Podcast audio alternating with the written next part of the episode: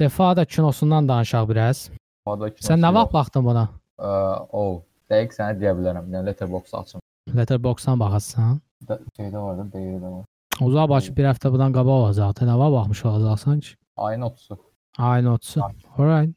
30-u. So əslində hmm, sən elə şey elədin də, elə sən baxandan sonra yazmışdın da mən bilən. Dedin ki, otur bax buna. Bəli, bəli. Şey eləyərik. Danışarıq. Alright. Ya, yəni səhnələr yadındadır mı deyirəm. hə, belə danışdıqca açılacaq olar ümumiyyətlə. Yəni şey, məsəl üçün elə başlanğıcdan başlasaq, giriş giriş zor deyildi. Musiqi ilə giririk. Sistemə qulağında naushnik var imiş. Filmin girişində musiqi ilə girir, qəşəng. Səhnələr göstərilir. Sonra Şey qız gəlir. bu filmi, Tək otaq filmi hesab edirsən, olur e, single set production. Hələ elə məncə elə single setdir da. Single set da. Məncə, ya bilmirəm, şey detallarına baxmışam. Yəni mən Yox. izləyici kimi düşünürəm ki, elə yəni bir məkanda çəkilmiş filmdir, yəni setdir bu.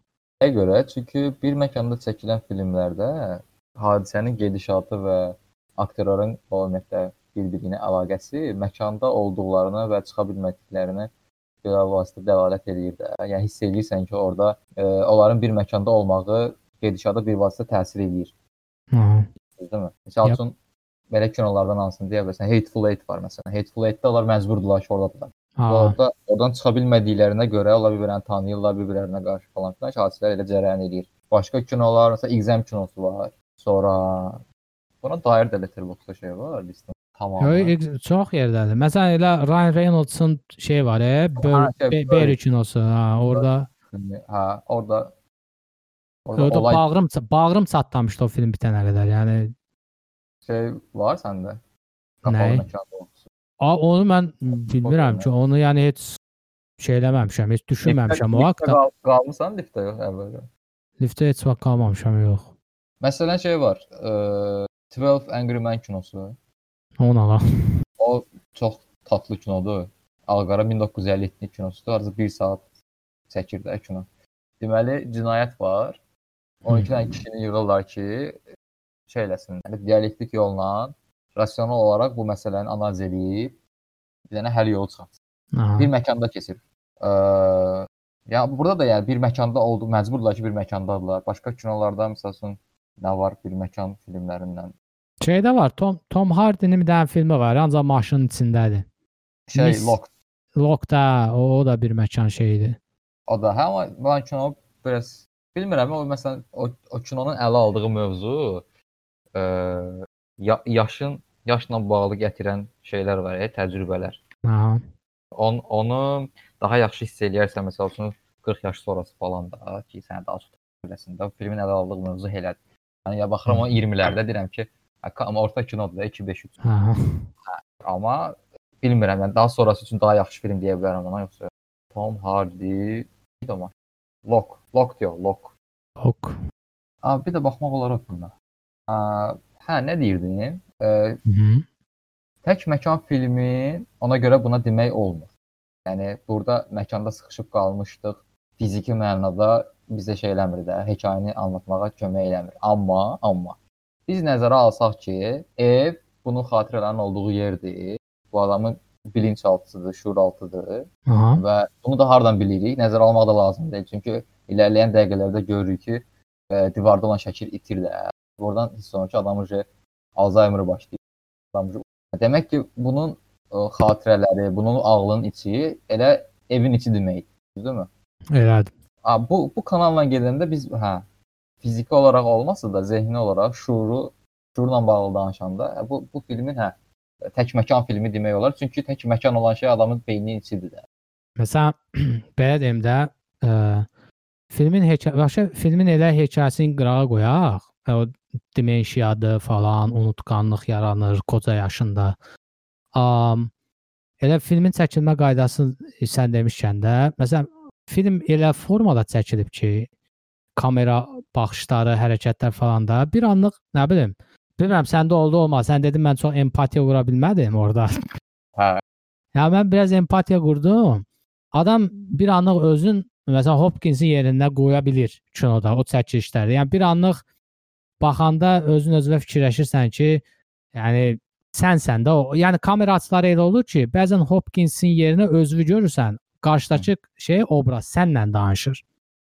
Hə də. Sənə deyir konkret. Elədir, elədir. Məsələn, şey də var. Ə, bilinməzlik içində olan adamda gələn o aqressiya falan var, amma aqressiya üçün də kifayət qədər şeyin yoxdur, passionun yoxdur və sən qışqırbar salmırsan da, prosta sənin hərəkətlərin, üz mimikan falan, duruşun belə sənin aqressiv olduğunu hiss elətdirir də. -hı. Hopkins də burada bilinməzliyin içində duruşu, böyük aktyor olduğu buradan bilinir də. Görürsən ki, adam durub bilmir də, çünki xatırlamır başa düşürsən. Ha. Qarşı tərəfdə xatırlamadığını deyəndə qayıt dilə ki, sən uje gedib də. Həlisən. Hı. O o xalqın içində onun təkcə yanlışı, baxışı, ümumiyyətlə nələrsə haqqında danışandakı o tavrı onu hiss elətdir, hiss, edə bilirsən. Bundan əlavə sənin dediyin o ə, sən biz burada şeyə baxmırıq da, biz ə, Alzheimer olan adama qıraqdan baxmırıq. Biz ə, Alzheimer olan adamıq. Ha ha, yaşayırsan elə bil onu, filmdə yaşayırsan. Kino sənə hə onu o, o cür göstərir ki, çünki şey səhnələrin keçidi montajı falan, gəlirsən, gəlirsən bu tərəfə girirsən, görürsən ki, 5 dəqiqə əvvəl olan şey indi başqa cürdür də, dəyişir. Hmm. Onu da o mənə deyirsən. Ya ne- bir də şey var. Məsələn, o sən deyirsən ya aktyorluğu da, yəni adam sakitcə durur, yəni onu göstərir də. Məsələn, o qız gəlir, e, baxçı, bir dənə cavan qız buna baxmaq üçün. O- Desən mənə oxşayırsan. Hə, hə, tə, e, təzə qız gəlir də, cavan qız gəlir, belə.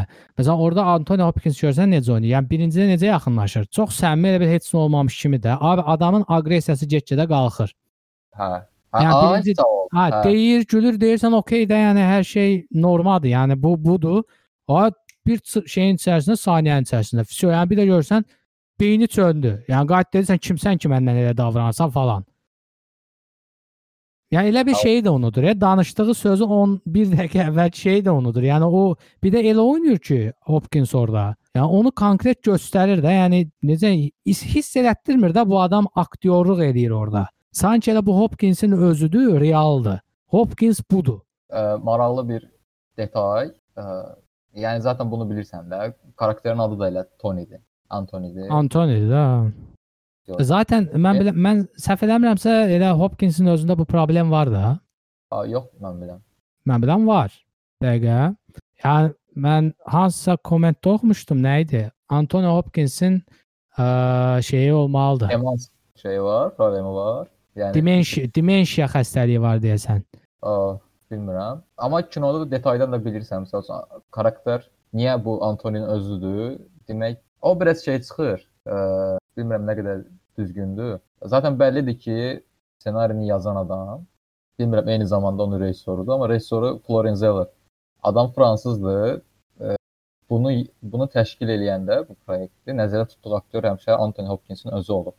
Aha. Karakterin adını da elə Anthony bilərək qoyub və hətta doğum tarixləri də eynidir aktyorla. Ə, və şeydir, bu 3 il əvvəl desə bu baş verib. 3 il əvvələ 3 il əvvəl içində zaten bu adam ə, bu proyektlə tanış imiş. Anthony Mackie özündə götür qoy eləyib şey hazırlaşıb roluna. Yəni bu adamın əyninə tikib bu kostyumu. Aha. Və deyib ki, əgər Anthony da olmasa idi, bu filmi heç ingiliscə çəkməzdi. Çəkərdi elə bil fransız dilində. Ya da təsadüf Mhm. başqa bir aktyordan, amma istəyib ki, həmişə şey olsun və ə, bu film rejissorun ilk filmidir. İlk film üçün möhtəşəm. İlk filmidir. Ha, ilk filmidir. Adamın başqa bir filmi yoxdur. Yəni, Qəşəng, zordur. Filmi bəlkə var ardası nəsə belə, yəni mini də, yəni qısa film kimi bəlkə Hmm. hardasa var. Amma belə bu cür tam metrajlı manyak filmi yox. Ya adam şey deyib də, nöqtə atışı edib demək olar. Hə. Hə, yəni səs səsindən, səsinə adından bayağı bir danışdırır. Ona əvvəl ümumiyyətlə şey aktyor seçimlərdə yaxşılar. Məsələn Hopkins qoya qıraq heç. Məsələn qızın özü. O çox qəşəng oynayıb. Şey, qızın E, oxşayan Qız qızı qı- qızı qızı da qızı. Hə, öz qızı. Əla oyun. Ya çox Hansı qəşəng öz oynayıb yəni. Hansı öz qızıdır? Elə ən başda bax- gələn bax- də ö- öz ya əsas ikinci də, ikinci aktrisa. İndi biz onu elə qəbul edirik ki, odur da, amma yəni Məncə odur, çünki axırda zaten o gəlmədi də. məncə olmaya da bilər. Hayda ona da o da şeydir. Adı nədir? Yəni Ta o- kino çox qəşəng Alzheimer simulatorudur.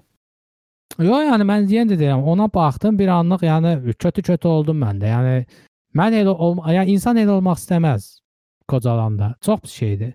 Hə. Hə, Ya düşün onu də, yəni xəstə ya dərman ata-ata ömrünün sonuna gedirsən. Yəni başqa əlindən heç nə gəlmir, sıfırsan. elədir hə. Məsələn başqa ə, Alzheimer'a aid başqa filmlər də var. Orada biz həmişə şeyə şeyə görürük. Yəni bizə göstərilən Alzheimer'lı insanla necə yaşamaq lazımdır. Yəni orada Alzheimer'lı adamın hekayəsi də orada. Yəni biz onunla empati qurmuruq. Onun çevrəsindəki insanlarla empati qururuq da. So Away from Her filmi var, Still Alice, Alice filmi var. Bunlar hamısı Hı -hı. qıraqdan qıraqdan. Amma burada filmdə uje biz adamın özüyük də. Əslində bu tendensiya bu tip filmlərin son zamanlar gəldiyini belə görürəm. Yəni başqa şeylər də tapacaq. Məsələn, şey var. Sound of Metal desə filmin adı. Oğlan kar olur. Hmm. Adam şeydir, dram dram çalan idi rock qrupunda. Aha. Çox yüksək səslərdə də, yəni bütün hər gün daba daba daba. O bir gün kar olur. Kar Hmm. olur, o bütün başına aparat falan qoymaq söhbətləri gəzir. Kino elə bir səs-küylüydü. Ya yarım saatdan sonra kinoda səs yoxdur. Kino da elə bitir. Elə dairə də davam edir. İndi e, eşitməklə bağlı hər hansı bir upgrade-lər olanda kinonu elə eşidirsən də. Əks əksərən digər insanların dialoqlarını falan eşidirsən, amma yəni kinonun tamamında olan sakitçiliyi sənə o adam başa düşməyə imkan verir də. Yəni e, onu demək istəyirəm ki, e, gələcək filmlərdə baş qəhrəmanın daha doğrusu hadisələrin gedişatının ümumi mənzərəsinə fokuslanmaqdansa, başqa bir kanal olaraq ə, həmin adamın o anda nə hiss etdiyini göstərməyə çalışırlar. Yəni Father da elə filmdir, Sound of Metal da elə. Yəni başqa sözlə necə demək olar? Məsələn, sənə bir şeyin tanımını, definitionunu ə, izah elə deyəndə, başlayırsan haqqında danışmağa da, izah Ha. eləməyə. Sevgi haqqında da, sevginin definitionu nədir? Sağ olsun. Sən özünə görə danışsan, "Abi, abi, belədir, belə belə eləməkdir. Nə bilim, biri deyir, qayğı göstərməkdir, biri deyir, ə, nə bilim, nə deyir? Başqaları nə deyir? Nə bilim nədir? Hərə bir şey deyir də, yəni hərə görə definition fərqlidir də. Yəni də. Düzdürmü? Amma amma o o o mütləq deyil. Yəni çünki sən başqa şey deyirsən, mən başqa şey deyirəm. Amma nəticə etibarilə hara ümumi mənzərəni təşkil eləyir də. Bu filmdə, bu filmdə qədərkilər həmişə başqalarının definitionlarının belə ucdan qulaqdan eşitdiklərini idi də. Amma bu gün tam bu filmə baxanda həqiqətən ə, unutqanlığın nətər bir şey olduğunu tam belə sənə göstərir. Hmm. Tam çünki sən özünsən orada. Yəni başına gəlir sənin orada. Yəni sənə definition lazım deyil sənin üçün orada. Yəni də Yəni sən hadisəni eşitmirsən, sən hadisənin içindəsən. Ə, Elədir. Mən ona görə dedim də, yəni baxandan sonra bir anda, yəni həm baxan baxan zaman, həm baxandan sonra çarəsizliyi hiss edirsən bir yerdə. Həm özün Hə. məsəl üçün obrazı he, qoyuram qırağa da obrazın o ə, məyusluğun falan, özün özünə fikirləşsən ki, yəni insan bu dərəcəyə qədər çarəsiz ola bilər də. Yəni nə qədər çalışıb vuruşsan da, yəni öz beynində özünlə dalaşırsan bu məsələlərdə, yəni xatırlamırsan və ya səhv xatırlayırsan, kimsə sənə deyir ki, yox elə bir şey yoxdur falan kimisindən. Yəni dəli olursan da kanka, çarəsizsən də. Yəni hər an şey olursan da belə. Necə deyim? Elə bir təbiətdə, vəhşi təbiətdə ə, bir ceyran balasına dönürsən də, düşün. Ətrafında aslanlar var, pələnglər var. Nə sözdür nə əslində, bax. Yəni Dəhşət şey, bir şeydir. Yəni Hə. sən tanımırsan da, heç kimi tanımırsan, tanıdığın adam 10 dəqiqə sonra deyirlər ki, yox sən onu səhv tanıyırsan, o bu deyil falan. Dəli Hmm. olursan. başqa Bir bir dostum sonra var getmir. idi. Başqa bir dostum var idi. Şeydə mütləq həqiqətdən reallıqdan falan danışanda Ha. demişdi ki, sən nəyə yatırım eləmək istəyirsən də. Mən Hı. dedim ki, şeydir. Əgər şey də insanlara görə reallıqlar fərqlidirsə, həqiqətdə fərqlidirsə, nəyə görə biz başqalarının experience-ını özümüzə köçürmək istəməyək də? Ha. Sən həyat boyu ancaq öz experience-undan şey alırsan da, qidalanırsan. Amma təsəvvür elə ki, sənin imkanın var. Təsəvvür elə bir həb atsan, Vüsalın experience-ni götürsən. Həb atsan, Ha. nə bilim 41-45-dəki bir ə, az subayın Ha. experience-ni götürürsən. Təsəvvür bu- bunun kimi möhtəşəm bir şey yəni yoxdur da. Yəni həyat boyu sən dəyişirsən, inkişaf edirsən, experience-in artır da. Heyvanlarda bu nə qədər şeydir, realdır. Yəni heyvana hara qədər experience artır. Çünki bu adamın şuuru gedəndən sonra bir növ şey oldu da, o sənin dediyin çöllükdə, meşəlikdə experience müəyyən limiti olan canlıya çevrilir də. Ya. Orda uje hə, orada həqiqətən salması olduğu hiss edirsən. Bir də o ən son səhnədə gəlir bunu uje şey aparırlar, e, nə deyirlər ona, mərkəzi. Aha. Yəni, o, o boz otağa girirsən, hə, o boz otağın içində qutudur da. Yəni də Bu orada hə, orada nə qədər nə qədər desəm də ki, empati qura bilmirəm, motoda mən də çıxıram. Belə qaçıb gedib qapıya tərəf ki, bəlkə çıxa bilərəm, edə bilərəm, qaça bilərəm buradan, amma görsən ki, qoca dayda itdə qolun vuracaqlar, batırlar içəri. Orada biraz adam biraz şey olur, naxoş olur. Biraz təcrübədə hal oldum orada. Ya ya bizə o birinci o şey Irishman-da da dediyi, yəni kino başdan ayağa ürək dərmanı, Carvalho, Carvalho zad, yəni o Şəkər tipdə dərmanı. kinoda, amma yəni kinonu bəzi yerlərində güldürməyə bacarır da. Yəni bəzi yerlərdə məsələn Hopkins qəşəng oynayıb. Yəni ciddiyyətdən çıxır də görsən, yəni elə söz deyir ki, adam biraz gülümsüyür. O qız buna şey deyir, e, o gənc qız da dərman vermək istəyir, e, buna deyir dərman vaxtıdır Hə. da, o şəkil olmayan səhnə. Orda nə bilim deyir, e, bax sən dərman atmasan falan da, yəni uşaq kimi kommunikasiya qurur da. Qısa qayıdır orada deyir, mən mənə niyə retard etmiş kimi davranırsan? Deyir mən retardacı adam mənə elə davranırsan. Yəni orada belə görsən ki, adam öz beynində məğlub olmamağa çalışır da. Yəni mən şey deyiləm də, geri zəkalı deyiləm. Nə dediyimi başa düşürəm. Şey, Yəni ya, mənə uşaq Əm. tipində davranma. fakturası da odur da. Yəni e, baxırsan kültürel, yəni orada Ha. ikinci tanış olanda orada biraz oynayır eləyir, bir səhnəcik oynayır adamda, yəni. Tap dansa. Hə, ortalıq çox belə şey, güllük gülistanlıq olur da. Bilsən ki, adam backgroundu şahanədir. Evdə evin özü, ev kifayət qədər böyük evdir. Yəni. Belə dəhşətliyə təsəvvür edirsən o adam ə, qocalır, qızının biri ölüb, qızının biri yoxdur. Alzheimer deyil, hər şey xat- xatirindədir. Və o evin hər küncü, o yekə evin hər küncü xatirələrlə doludur da. O adamı Ha. oradan çıxarıb başqa yerdə yaşada bilmirsən. Çünki özünü hesab edir ki, orada olmalıdır da. Amma o evin içində də çərliyir o. O, o özü də dəhşətdir. Yəni zaman içində unutmağın ə, bir tərəfdən xoşbəxtçiliyi var və hər şeylə bağlı ki, şey çünki həyat həq e, şey əksərən xoş xatirələrdən ibarətdir də. Təbii. Hə, çünki o böyük ehtimal o evdə balaca qızı qaçanda da o yadına gəlir, hardasa nəsə eləyəndə də, o əşyalar falan falan var orada. Amma onun 100% onu yadına salır. Böyük ehtimal bəzilərini çıxarır. Ümumiyyətlə şey var. Mən bilmirəm fikir vermisən yoxsa yox. Müsəlman cəmiyyətində, ailələrində evə divara şey asmaq yoxdur. Ə, daha öncə çəkilmiş şəkil ha. şeylər. Də ümumiyyətlə, məsəl üçün divar görsən də, çıxılı-çıxılı çərçivələrdə Tə- uşaq şəklində, təz- Təzədən də şəkildə səsin getdi, təkrar elə. Təkrar elə divarını görürsən. xırda-xırda hə, xırda-xırda çərçivələrdə şəkillər falan çox olur da.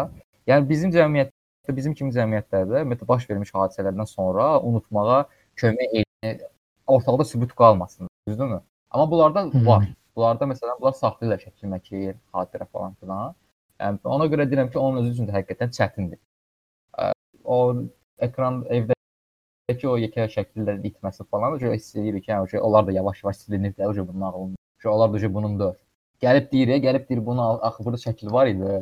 Düz deyir orada vaxt şəkil olmayıb, amma gəlin vurur ki, bunun rəngi başqa cürdür də. Gün vurub bunu bozardı, arxa tərəfi isə yaxşı. Ha, o, orada mən də tupoylaşdım. Futbol- Orada mən də tupoylaşdım. Şəkil var idi axı orada elə bir. Yəni orada izi qalıb onun. Hə, onun orada izi qalıb. Şeydir. Yəni o, o da bilir ha, o da bilir ki, ona ona dair xatirəsi var. Amma Ha. amma yox, ucu silinir, yavaş-yavaş gedir. Yəni e, şey m, başqa tərəfdən də bu saat məsələsi mənə maraqlıdır. Saat ümumiyyətlə zaman, həyatı işarə edən qəşəng bir şeydir orada. Item. E, Mən- amma e, hə, amma Ha. özünə sahib olan tək şey kimi ona daim şeyi var da, marağı var. Ay saatımı oğurlayıblar. Ay nə bilim.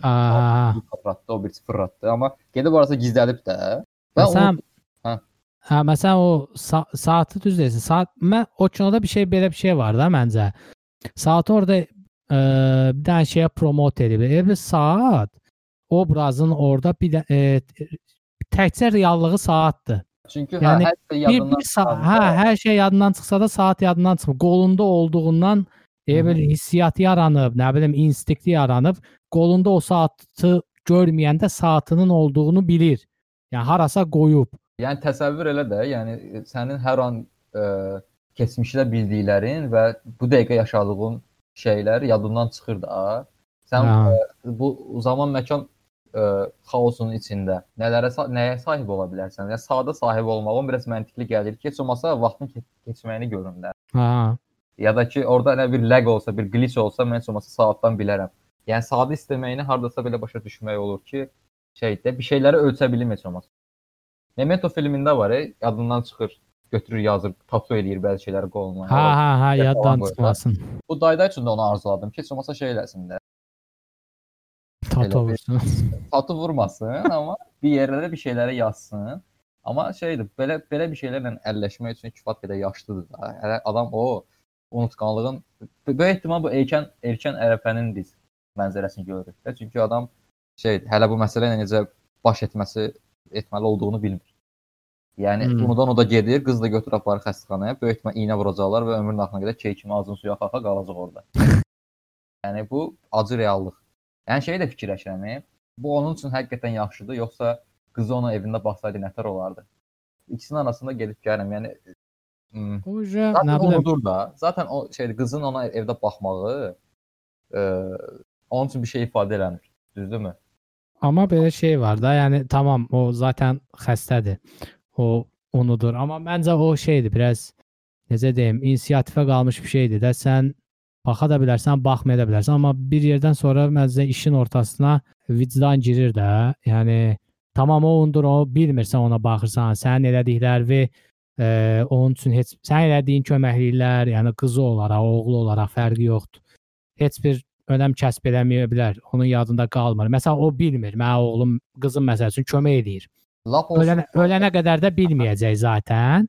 Amma Aha. bir yerdən sonra onun yox, qız övladın övlad tərəfdən baxanda, yəni adam e, bir yerdən sonra yəni m, vicdan ortaya girər. də. Yəni bir övlad olaraq nə qədər də bilməsə, jo artıq o sənin seçimindir. Ya baxacaqsan, Hı. yəni ya bunu qəbul edəcəksən belə baxacaqsan, ya da ki, aparıb qoyacaqsan qocalar evinə, orada da nə edirlər, necə edirlər, xəbərin olmayacaq. Sən demişsən ağzın suya axa-axa da axırda ölüb çıxıb gedəcək. Amma artıq ölüb çıxıb gedəndən sonra da yenə ya yenə də deyirəm də biraz gələcəyə düşünmək lazımdır. Güc, güclü adamsansa, aparıb qoyarsan qocalar evinə, həftədə 2 dəfə gedib baxıb gələrsən. Yox, əgər e, məsələn öz özünə deyə bilərsən, tamam, onsuz da dünyasını dəyişəcək də 1 il, 2 il, 5 il qabağa, 5 il sonraya fərqi nədir?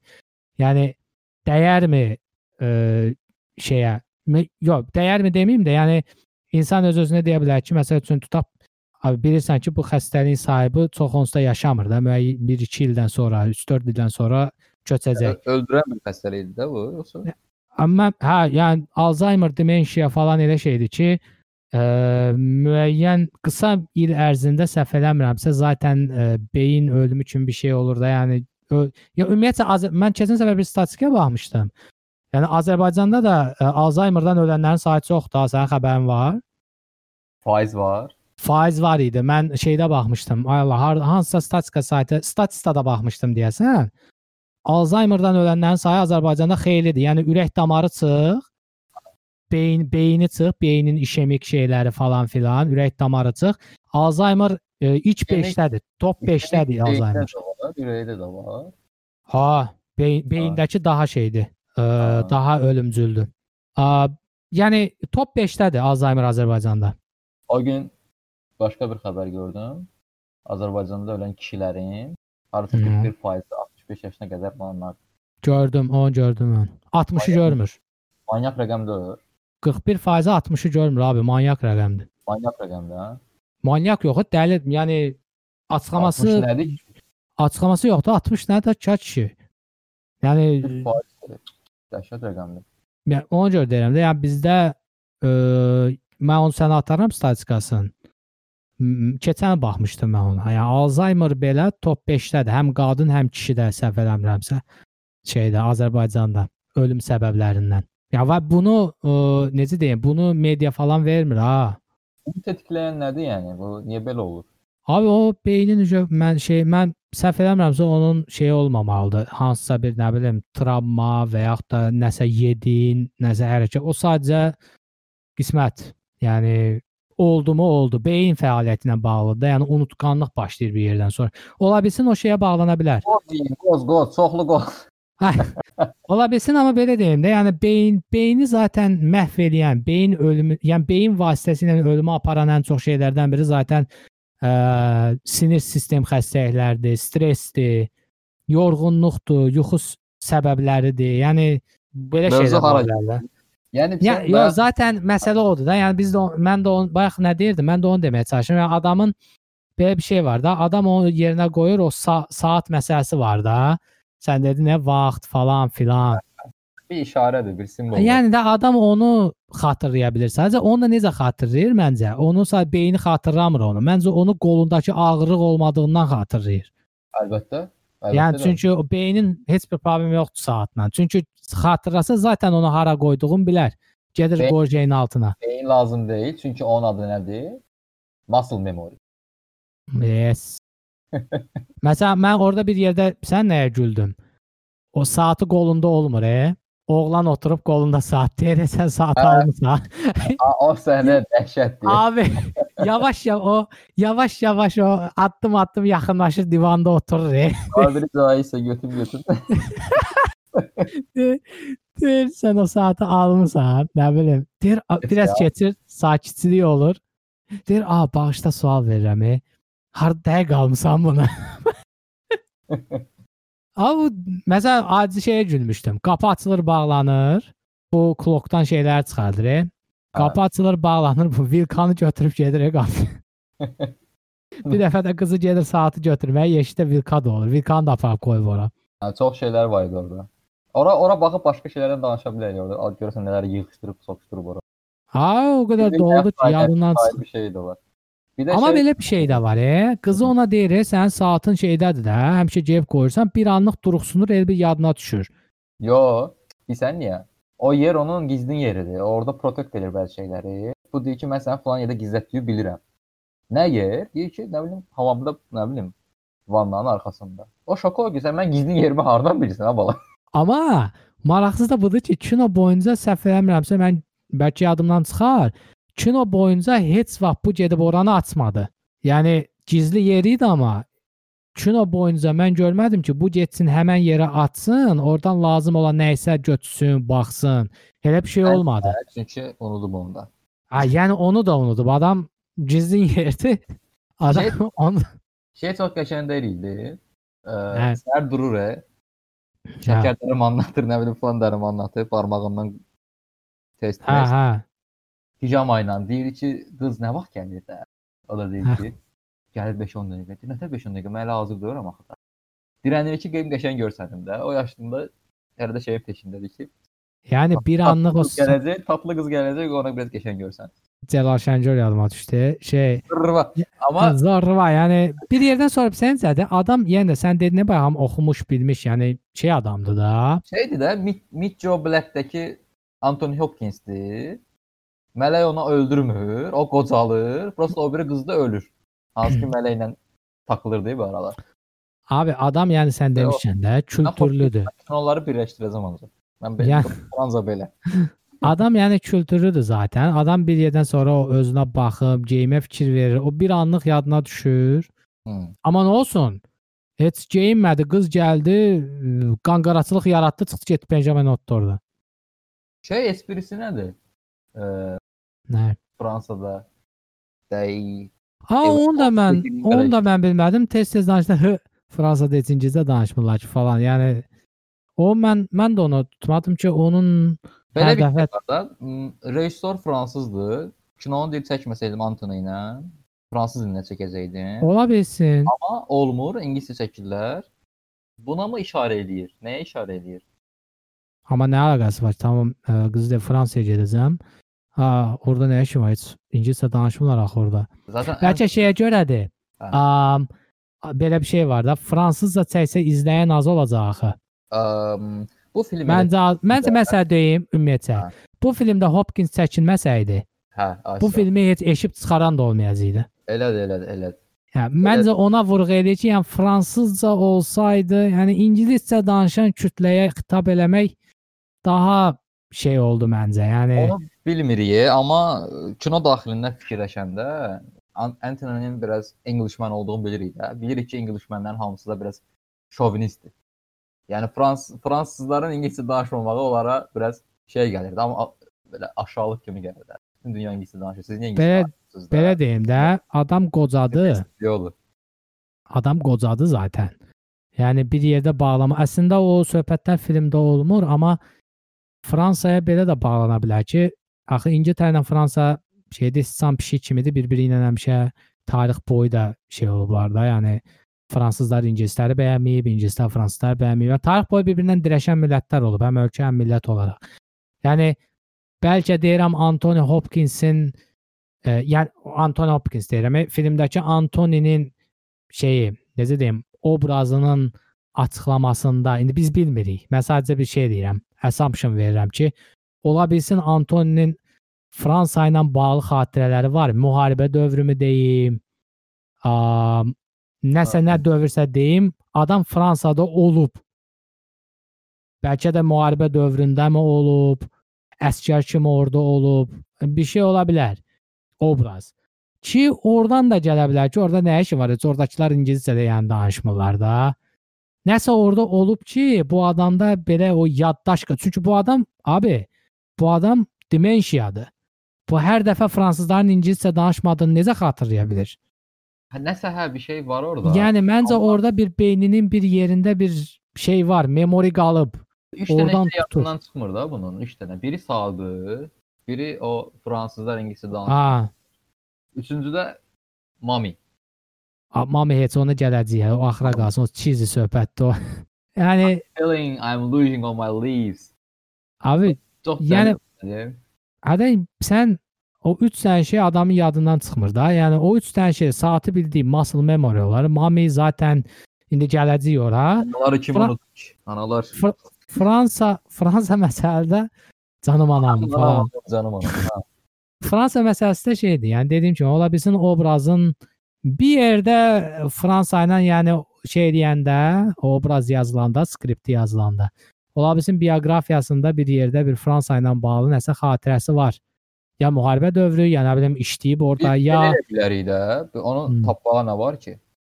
Karakterin Anthony Hopkinsin özüdür də. Biz bunu qəbul edirik. Anthony Hopkinsə baxa. Anthony Hopkins cavanlığında əskərin zadı harda çəkib? İndi baxım da. Yəni deyirsən o ehtimal ola bilər. Connection Wikipedia girəcəm. Connection. Yo, Wikipedia girək ən yaxşısı. Ctrl F Frans yazaq. Aynen Bu kadar öyle. basit yani. Frans sıfır netsə. Wrong. Uh, you're wrong. Yoktu. Yoktu. Aa, üzülürüm ki.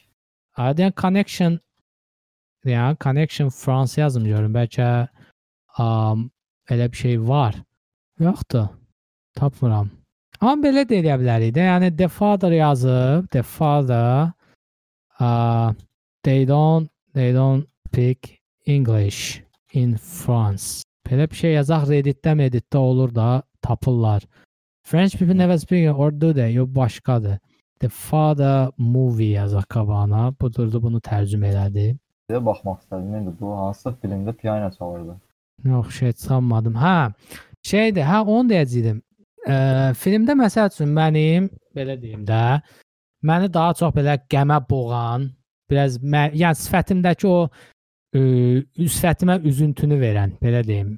Üzüntü verən bəzi səhnələr var idi. Amma birinci səhnə elə filmin başlanğıcında idi. O səhnə açılır, musiqi ilə qulaq asır, qızı gəlir evə, ə, naştiki çıxardır qulağından headseti.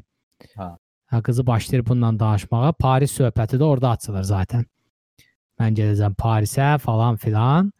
Məsələn, orada qızı deyəndə ki, mən gedirəm Parisə, bu qayıdır deyir, yəni really, yəni o üzgün sifətlə, yəni doğrudan. Sonra qayıdır deyir, you are abandon me. O məni üzdü bir yerdə. Yəni məni yəni doğrudan məni tərk edirsən. Məsələn, elə girişdə o səhnə məni üzdü, bayağı üzdü. Ya bir anlıq yenə deyirəm, mən empatiya qura-qura baxdım. Bir anlıq özümü qoydum ora. Yəni düşün qocasan, ə, və xəstə olduğu da yavaş-yavaş anlayırsan da və zaten qoca olanda da həm qayğı istəyirsən, həm çarəsiz olursan, bəzi şeyləri edə bilmirsən də, istəsəmə köməyə ehtiyacın olur. Nə qədər elə, desən də, dirəksən də. Olmasan belə şey. Yəni də bir yerdən sonra şeysən. O yaşa gəlmiş adam zaten kimlərsə böyüdüb də. Yəni də qayğı, qayğı. Zamanı gəlmədimi ki, mənə də biraz qayğı. Yəni də düşün, yəni özümü qoydum təsəvvürdə Allah eləməsin. İndi övladımın biri ölüb. Am, bir dənə qızım var. O da gəlir bir gün sənə deyir ki, mən gedirəm, bəs həyatımı Fransada tapmışam, səni qoyuram yaşlılar evinə. Yəni saxlamazlar. Get, geri. Abi adam ya burnundan gəlsin elədiyin bütün şeyə. Aramın qısın, aramın. Haramın olsun sən. O vaxt anan düz deyirdi. Abi yəni qəbul eləmir amma. Yəni favori qızının böyük qızı olmadığını bilirik. ha o və balaca ölən qızı Ha, onu qəbul eləmir yəni öldüyünü. yes. Amma belə deyim də onsuz da bö- evin böyüyü həmişə belə şey olur axı. Biz Ee, evin kiçik olduğunu bilmirik ki bunu. Yəni başqa uşaqlar bəlkə də var, yox. Yo, iki qızı var idi. Zaten ölən qızı kiçiyi idi. Yəni başqa oğlan falan Yox, mən bilən iki qızı var idi da bunun. İki dənə qızı var. Biri ölür, biri də belə buna baxır. Evin kiçiyi amma bir yerdə də hə də evin kiçiyi həmişə şirin olur, sevilən olur. E, biraz çılğın olur, Böyle rəng qatan olur. Birinci uşaqla səhvlər olur, soxulur. İkinci uşaqla biraz Səhv deməyək də birinci uşaqda həmişə şey böyüdürsən də, qorxa-qorxa, ya çünki ilk uşaq, tək uşaq biraz həmişə şey olanda, yəni valideynlər də danışanda, yəni tək uşaq və ya ilk uşaq deyək də belə. İlk uşaq oldu, bilmirsən axı uşağın olacaq, olmayacaq bundan sonra da. Yəni həyatdır. Yəni tək uşaq olduğunu varsayırsan ilk uşağın. Onu həmişə əlvin içində böyüdürsən. Çox Hı. belə ora-bura buraxmırsan. Nə bilim, nə istəyirsə verirsən ki, təki yanında fırlansın. Hə. Yəni şey olmasın da, gözündən kənar olmasın ki, qardaş, tək uşaqdır da, başına bir şey gələr, bir varlığın budur, yəni gözümün nuru budur. Amma ikinci uşaq olandan sonra, ikinci uşaq olandan sonra o Hə. böyük uşaq biraz şey olur. Transparensi azalır onda. biraz moddan düşür. Çəkilir hə, moddan düşür də. Çünki sən necə olur? Tamam da, Daha üzə böyümüsən. şirindir də ona görə. Hə, o biri daha şirindir, həm uşaq olduğuna görə, həm də təcrübəlisən axı. Ona görə vaxt ayırırsan, böyüyünca yaddan çıxır da, bir yerdən sonra böyüyünca başını buraxsan, davay, düş həyətə oyna, nə edirsən, elə böyüyürsən. Falan böyüdükcə də bu belə davam edir zaten. İkin, yəni son uşaq, sonuncu uşaq, ikinci, üçüncü fərqi yoxdur. Həmişə ən şirin olur da. O da gəlib cavan yaşında qızı ölür, elə cavan-cavan. Yəni o travmadan sonra zaten onsuz da böyük uşaq, böyük qız da budur. Zaten bu sevilmirdi. Ya sevilmirdi yox, yəni ikinci plan uşaq kimi. Təyəm böyükdür. Böyüklər həmişə elə olur. Hə, balacanın da cavan yaşında getməyi dünyadan həm travma yaşadı buna, həm də e, tək qalıb, indi tək qalıb, onsuz da balacası yoxdur. Böyüyün də gəlib elə deməyi biraz qoyar. Adama yəni bayağı bir oturar yəni sənə. Yəni tamam da e, korsan, bacın ölüb. Yəni mən də xəstəyəm, hara gedirsən yəni? Dəlisən, sənin başın Bunu xarab. deyərdi də belə bu tonda desəydi. Atası da deyir. Yəni Nə ssenari dəyişər. elədik, dəyişər. siz baxmayın. Hə. Baxmayın. yəni adam hə orada məsəl üçün mən məyus olmaq səni, yəni o idi. Yəni özümü qoydum yerinə. Yəni məsələn mən olsam elə reaksiya verərəm. İndi ssenaridi kinoda tamamdır. Orada biraz altdan alır, biraz adam üzməlidir falan. Unutqanlıq var falan amma bir yerdən sonra adam beynin çönər də qoca olsan. Yəni məzələnsən məndən. Bayaq demək istədiyim şey əslində baxan tərəf qız. Qızın gələcəkdə vicdanı yaxşı olsun baxımından yox. Yəni qız baxsın. Ya da ki Hmm. şey dayı zaten xatırlamır, onun üçün yaxşı olub olmamağa mənası yoxdur. Bu da yox. Mənim sən nə? Bu adama fiziki olaraq ümumiyyətlə də, yəni evdə baxılmağı buna daha ümumiyyətlə də unudur unutsun da. Buna yaxşı, məncə daha yaxşı təsir edir evdə baxılmaq, nəinki xəstəxana dərman oyuşdurmaq. Çünki heç kəs orada onun ağzı ilə qozun oynandı. Yəni Ha, bir adam bir ki. şey xatırlamasa da belə bir şey xatırlamasa. O adam kaç vaxt kesilə bilər məncə. Yəni nəsə danışarsan, deyərsən, gülərsən bir şeylər. Ha belə bir şey vardı amma filmdə də belə bir şey var. Sən bayaq dediyin kimi adam %100lük demensiya yaşamır hal-hazırda. Amma yaşayacaqlar bundan A- Sonra Amma xə- adam xəstəliyin yəni ilkin versiyalarında demək olar, yavaş-yavaş odur. Yəni adam zaten qızının üzünü tanımaq və tanıyacaq vəziyyətdə də hal-hazırda. Qızının üzünü tanıyır, hətta o gəlib yalandan deyirlər, "E, qızın əri mənəm", sonra deyir, "Yox, mən evli deyiləm". Onlar da nə qəşəng qəbul edir. İki dənə adam özünü proof eləyən kimi. Amma amma belə bir şey var da, amma burada belə bir şey də var. Kinonun özündə məncə orada biraz handikap deyə bir şey dönür orada. Adam iç o hadisə baş verəndə qəbul eləmir. Adamın bir yerdə memorisi onu qəbul eləmir. Belə bir şey Hə, yoxdur. hə, adama- adama söhbəti diriyirlər yalandan və ya düz, ondan sonra məcbur qəbul edir. Çünki adam bilir ki, xəstədir. Ola Hə. bilsin ki, səhv eləyirəm düşüncəsindədir. Mən məsəl üçün o hissəni ə, o hissələrdə əsəbləşirdim. Niyə? Çünki hiss edirdim ki, sanki adam ə, nəyin nə olduğunun fərqindədir. Amma elə bir adama məcburən ə, hər dəfə məcburən adamın beyni ilə oynayırlar. Yəni adam əslində nəyin nə olduğunun fərqindədir. Tutur söhbəti. Adamın özünün özündə olan xəstəliyi ilə mübarizəsini göstərir də. Orada adam adam həqiqətən elə fikirləşir ki, də məndə Hmm. hər şey normaldır, ətrafdakı şeylər nəsə anormaldır. Yəni sən xəstəliyi tam anlamayana qədər bu cür hiss edirsən. Sən də elə hiss eləmirsən, manyak dənə empati qurmusan, malades. Yo, yəni belə deyim də, məsələn adam orada deyir, e, sən necə ər ola bilərsən ki, bu ayrı- ayrılmısınız axı 8 il əvvəl məsələn. Orada məsələn oğlan qayıb desə ki, hə düz dedi. Xatırladı falan. Məsələn Antonin reaksiyası necə olardı? Məncə bu səncə də xəstəliyin inkişafında rol oynaya bilərmi belə bir şeylər? Adam xatırladığı anda ona deyəsən ki, halaldır, düz xatırladın, yəni xəstəliyində inkişaf var falan desən, adamda bir pozitivlik gəlməzmi xəstənin özündə? Amma gəl, belə bir şey olmur axı. Yəni bir şey bu bu yavaşlama ilə ola bilən, amma unutduqlarını geri qaytaraca biləcək xəstəlik deyil. Yox, gecikdirmək mənasında deyirəm. Yəni bir var 100 ilə sürətlə sən unutmağa davam edirsən, bir də var 60-80. Ha, onu deyim də, gecikdirmə məsələsi var, amma mən Amma bir şey. Bunun gecikdirmesi var. yox unudacaq, amma kinoda elə bir təəssürat var ki, sanki bunu 100%-yə çatdırmaq üçün çalışırlar. Ya adam bir yerdən sonra dəliliyə gedib çıxırdı üzə. Şeylərin Baş xarab sürətli olurdu. olduğunu hiss eləyirsən. O da yenə də şeydir də, deyir ya, erkən ərəfədir. Erkən ərəfədəki adamın özünün yaşadığı panikanı, o, o gərginliyi biz görürük. Ha. Məncə o onunla qarışdır qarışdırırıq. Məsələn, mən sənə acı bir şey deyim. O mahnıya qulaq asırdı. O nətər xatırladı ki, mahnı kəsiləndə diski çıxardıb üstünü silib təzədən taxmaq lazımdır. Onun əvvəlində onu unutduğunu qədər əvvəl ya. değildi. Biraz qabaqdaydı mən bilən o. Biraz ortalarda. Biraz ortalardaydı. Biraz mahnı gicləyir. Hər şey Diski çıxar- yalan deyir. Nə deyim. Yo, yəni bəzi şeylər var da adam nöqtə atışı xatırlayır.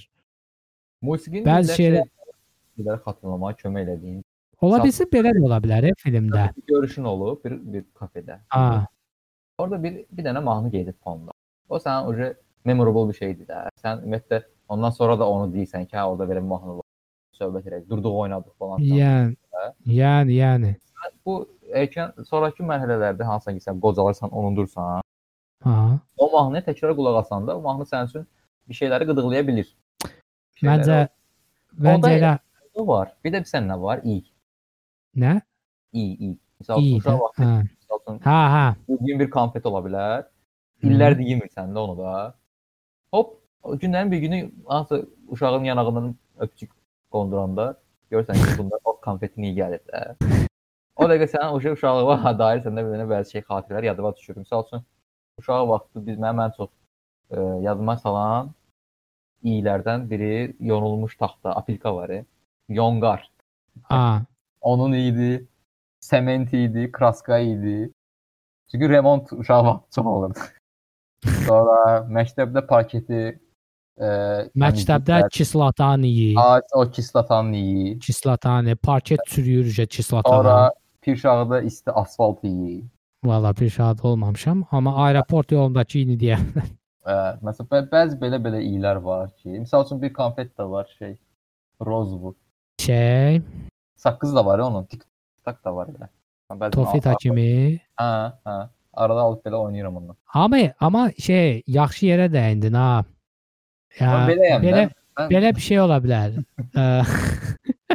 Saz tərifləyim. Mən you know, what You know şey, what? A, belə bir şey var. A, yaxşı şey temaya dəydi. Məsələn, filmdə bunu göstərə göstərməyə çalışıblar bəlkə də. Elə burdan. Ya dair O şey sen, sen, sensitiv orqanlar var, e. Hə, Toxunma, eşitmə, 5 dənə. iyləmə, dadma, bir də görmə. Görmə. Sanki filmdə bunu yaşadıblar. Yəni adam məsəl üçün ə, toxunaraq bir şey xatırlaya bilir. Saat. Aha. Sonra Doğru. qulaq asaraq bir şeyi xatırlaya bilir ki, o mahnıya qulaq asanda bildi ki, mahnı gicləyəndə çıxardıb diski silib taxmaq lazımdır. Ya yadına düşür də keçmişdən. Yəni belə bir şey elə bir sanki verməyə çalışıblar ki, duyğu orqanlar vasitəsilə nə isə yada salmaq daha asandır xəstə olsan da. Zaten informasiyanı onlarla alırıq da. Görməyə məsəl üçün- çalışsa məsələn o tablo söhbətini demək olar ki, Ay sağ ol, hə. Burada tablo var idi. Ay sağ ol. Hə, elədir. Ə, sonra şey, mən məsəl üçün bayaqlar çöldə idim. Ə, bizim köhnə məhəllə var da 9 mərtəbənin evi yanından belə keçəndə vec sonra küləkli olur. Amma mən neçə ildən sonra oradan keçdim. 9 mərtəbənin yanından. Do küləkli bilirsən də necə olur? Qıraq məhəllənin qırağından keçəndə külək uçurdur sən. Hə, Yayın yəni yayın yəni qızmar istisi olsa da, koridor kimi orada olur. Ha, orada külək var. Yəni Hə. o binanın qırağında keçsəsə külək var. Amma mən oradan keçdim bayaqlar. Mənim bütün yəni uşaqlığım gəldi gözümün qabağından keçdi. O Var mə- məhəllədə. məkanlar da deməli. Yəni o göz var da, o gö orada dönürsən, o döngəni görürsən. Küləyi hiss edirsən orada. Bir anlıq ə, uşaqlıq illərindəki o məhəllədə oynadığın günlər, oradan keçdiyin günlər, Hı. Yəni hər şey yadıma düşür. Bir anlıq şey oldum orada. Kötü-kötü oldum. Yadıma düşdü ulan yəni vaxtlar var idi. Balaca uşaq idim, burada olurdum falan filan. Yəni o da onun kimi filmdə sən demişkən adam görür, deyir burada şəkil var idi. Toxunur saatım hardadır. Dinləyir, mahnı pozulur, bilir ki, mahnı pozulanda belə eləmək lazımdır. Bunun Bir dənə əslində başqa kompleks versiyası da var. E. Məsələn, tək bir aktı eləyəndə yox. Hı. Məsələn, ə, oturub yemək yeyirsən, Aha. gün işığı vurur Aha. və yeməyində kartoşkadır. Uşaq vaxtı bunun eynisini yaşamısansa, yay vaxtı. Bunu eləyəndə hər dəfə yay yadıma düşür. 9-cu sinif yay yadıma düşdü. Görsən, görsən. Qəbuluma yazılın. Həftənizi Abi yəni də sən həqiqətən sens şey o orqan, hissiyat orqanları önəmlidir. Yəni Hə, amma məncə bunların içində ən güclüsü şeydir. Qoxu bilmədir. Məsələn biz şeydən ə, rəqəmsallaşmış dünyada səsi ala bilirik kolonkadan, görüntünü ala bilirik monitordan. Dadına Hmm. baxa bilmirik. Bir də iyini bilmirik. İyini simulə etmək olur, eləmək olar. Bir dənə balaca bir deşik qoyarsan, oradan bir dənə misal üçün. Hə, Amazon meşələrində gəzəndə orada bir torpaq Hə. gəlməsi üçün biraz torpaq ha, falan. E, bunu, bunu eləmək olar. Amma bu nə qədər lazımdır yəni? O, o biraz sual altındadır. Amma çox yəni dərinlərdə olan informasiya da o. Dəhşət yəni dərinlərdə. Bir şeyin sən iyi gələndə yəni özün də bilmirsən ki, səndə nələr baş verir də. yəni də abi mən məsəl üçün indiyənə qədər olur. Belə də olur ki, iyilədin, tup iyi gəldi. Ayda mən bir şey xatırlamışam amma nədir yenə onu bilmirəm.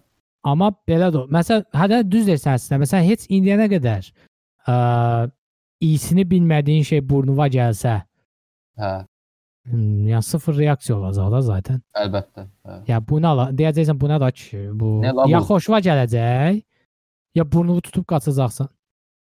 Məsələn, gez- gəlirsən ideala. İdeala bura. Bura product place- placement elədik. Ə, gəlirsən İdeal şey ə, sponsor ol. İdeal eşitmişsə yanında başqa bir dükan var, balaca o eşitsin. Mən Nərman burada. Özü bilir. Fa- Faiqin dükanı falan yəni. Ə, şey, axırda gəlib Seydin qırğın dönərindən sponsor gətir. Ha, Sey Seydin dönəri bilsən hansıymış? Bu şey Mən də maşın mən maşınla keçən Yox, e, ümumiyyətcə keçmişdə hansı dönər imiş o? Yox. Mən dünənlərin maşınla keçəndə Seydin dönərinin yanından keçdim. Ə, qapıya yazıb yapışdırmışdı köhnə avtoş dönər. Hə, olar. Yəni dedim, o bilmirəm bə, yəni düzdür, avtoş dönər doludur. Yəni yəqin ki ilk açanlardan bu olub. Ə, onda da yazıb ki, yəni avto çünki ilk açanlardan biri bu olmasa yazmaz elə bir şey. Çünki doludur avtoş dönər. Ya da O- yeri eynidir. Yeri eyni də adın dəyişib, rebranding edib.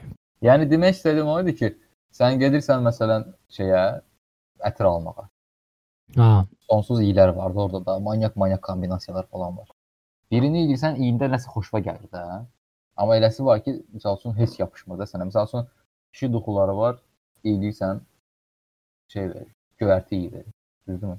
Amma eləsi də var ki, sən ona ad qoya bilmirsən. Nəysə adı var da, nələri sən nə bilim, Mixey Darçın şeylər qatışdırırlar eləyirlər. Amma şey, ona ad bilmirsən, niyə? Çünki sənə yaddır da o. Sənin üçün heç nə ifadə eləmir. Amma məsəl üçün, amma bir insanda məsələn bir ətir, iyi, adını da bilmirsən ha ətiri. Ha. Ha, şey, o o, o insan insanın bir parçası orada, o da assosiasiya edirsən onunla bir yerdə. Sonra o insan çıxıb gedir, yox olur.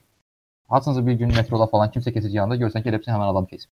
Ha. Görsən ki, yoxdur, amma ətir həmən ətir. Ya, yəni mm, məsələn ən şey deyim sənə ətirdən başqa a, məsələn taksi iyi. Taksi iyimi, yoxsa köhnə Yəni- maşından gələn mazut iyimi? Amma taksilərdə daha çox olmalı. Yəni taksiyə mindiyi hiss edirsən. Hə.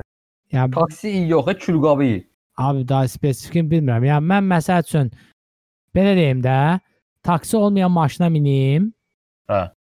A, yəni onun içindən taksiyə mindiyi maşınların içindən gələn iyini iyləmə faizim yüksəkdir.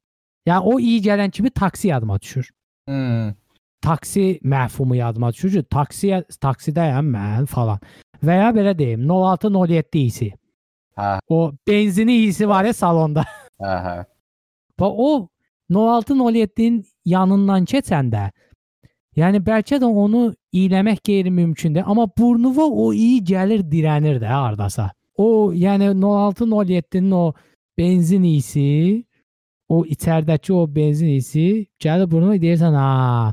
Mən ya və ya bir adam gəlir səndən görüşə. O adamın 06-da və ya 07-də oturduğunu sırası bilə bilərsən.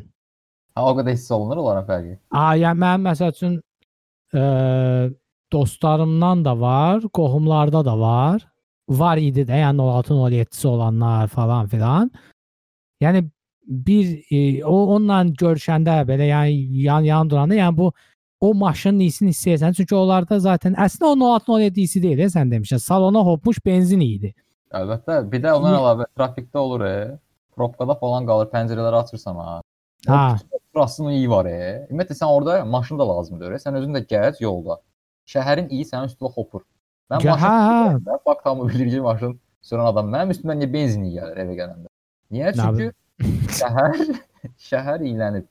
Orada pəncərəni açdın, bütün salon iylənir. Bir də şey, adı nədir? A, maşın boksları olur, e, təmiri. Abi 5 dəqiqə içəridə qaldınsa yağ qoxursan. Məsələn, Maşın başqa sağ- bir iyili yer, spesifik iyili yer, şey, Xerox olan yerə.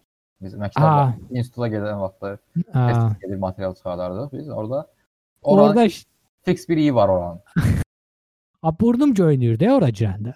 O ümumiyyətlə printer Gözlərim ağrıydı. Orada işləyənlər solur deyə. O solur ya konkret orada işləyənlər. Gözün altı qapqara.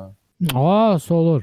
Biz hardan hara gəldik? Məncə bu mövzuya həm şeyə The Father yazıb yanından da şey yazacağam. Hissiyat orqanları falan. um, The Father-da nə qaldı? Məsəl üçün şey var. Gələk əsas məsələyə. Ha bir a bir şey yadıma düşdü. Burada yazıda gördüm. Sən şillə səhnəsinə baxdın təzədən? baxmaz olaydım, baxdım amma. Mən paramparça oldum ha bu şillə, şillə səhnəsində. Paramparça oldum yəni. Çox ağır, çox. Çox ağır bir şeydir. Yəni şillədən sonra cavab verə bilməməyi fiziki olaraq və büzüşüb ağlamağı balaca uşaq kimi. Və balaca uşaqdan yola çıxmışkən Mami. ana səhnəsi. Anam hansı gəlsin? Saat 1-in yarısında. Am Ma, a, mən o iki, sə- iki səhnə əsas məni yıxdı. Bir şillə, şillənin də iki qatı oldu Mami. Mən gözləmirdim Mamini, düzü. O Mami də harda başladı, mən harda qırıldım. O durur ayağa şəkilə baxır, ə, qıza qayıdır deyir ki, mən kiməm? Qızdan soruşur kim olduğun. Yəni filmdə ilk dəfə Anthony bir nəfərə qayıdır deyir ki, mən kiməm? Who exactly am I? Orda paramparça oldun, olmadın. Olmadı. Niyə? Çünki mən kinoya düzgün baxmışam. mən da isə sən sən Mən- mənim də sənə sözüm yoxdur. Mən, mən empatisiz baxdım kinoya. Sən- bala, sən özünə fikir ver. Ulan necə olmadın? Orada paramparça olmamaq imkanın Mən- yoxdur. Yəni mən şey deyim. Mən şey, Manchester by the Sea diye bir film var. Saat gəli manyak dramdır. Mən Ha. onunla da pasiv olaraq baxmışdım. İnansan elə bir ki şeydir. o Matrix-də var ya, əgər güllələr yandan ondan buradan keçir, sənə dəymir. Hə. Mən kinoya elə baxmışam. Elə bir kino içindəyəm də. Prosta Simska var əlində görüm ki, nə olacaq burada. Abi Kino ağır mən kinodur, çox ağır kinodur. Dəhşət ağır kinodur da. Amma ruhsuzlaşırsan da elə olanda. nə bilim valla mənim də sən sözüm yoxdur. Hə, elə baxanda orada karakterlə empati qura bilmirsən. Şeyə fikir verirsən. Sinematografiyaya fikir verirsən, musiqiyə fikir verirsən. Yo abi mən mən zaten sən sən Açı, sən bu filmi mənə deyəndə, Hə. mən zaten bildim ki, bu ürək dərmanı filmdir. Elə. Treylerına da baxdım, gördüm. Dedim qardaş, mən bu kinoya baxıramsa, mən bu kinoya baxanda mən sinematografini falan qoyacam qırağa, ssenarini falan qoyacam qırağa. Mən bu xəstəliyi yaşayan adamı yaşamağa çalışacağam səhnə-səhnə. Empati qura-qura. Yəni yıx yıxıldım. Yəni o səhnələrə özümü qoydum. Yəni yıxıldım və zaten film bitəndən sonra sinematografidir, ssenaridir falandır. Onların zaten səhvdir, düzdür olmağı çox da tın mənə. Yəni mən mən o kinodan alacağımı aldım. Yo, zaten demək istədiyim o deyil ki, yəni Hə, Yəni şey eləyən mənim kimi baxanda baxmağa başqa fikir verməyə başqa bir şeyin qalmır deyə məcbur olub şey onlara fikir verirsən də, başa düşdün? Yəni elə bir filmdə bir rage səhnəsi var, bir nə bilim ağlaşma var orada gözü Hmm, hə. düşür gözündən. O orada sən ancaq baxan adam olursun. Mən mən mən mənim vəziyyətimdə. Ha.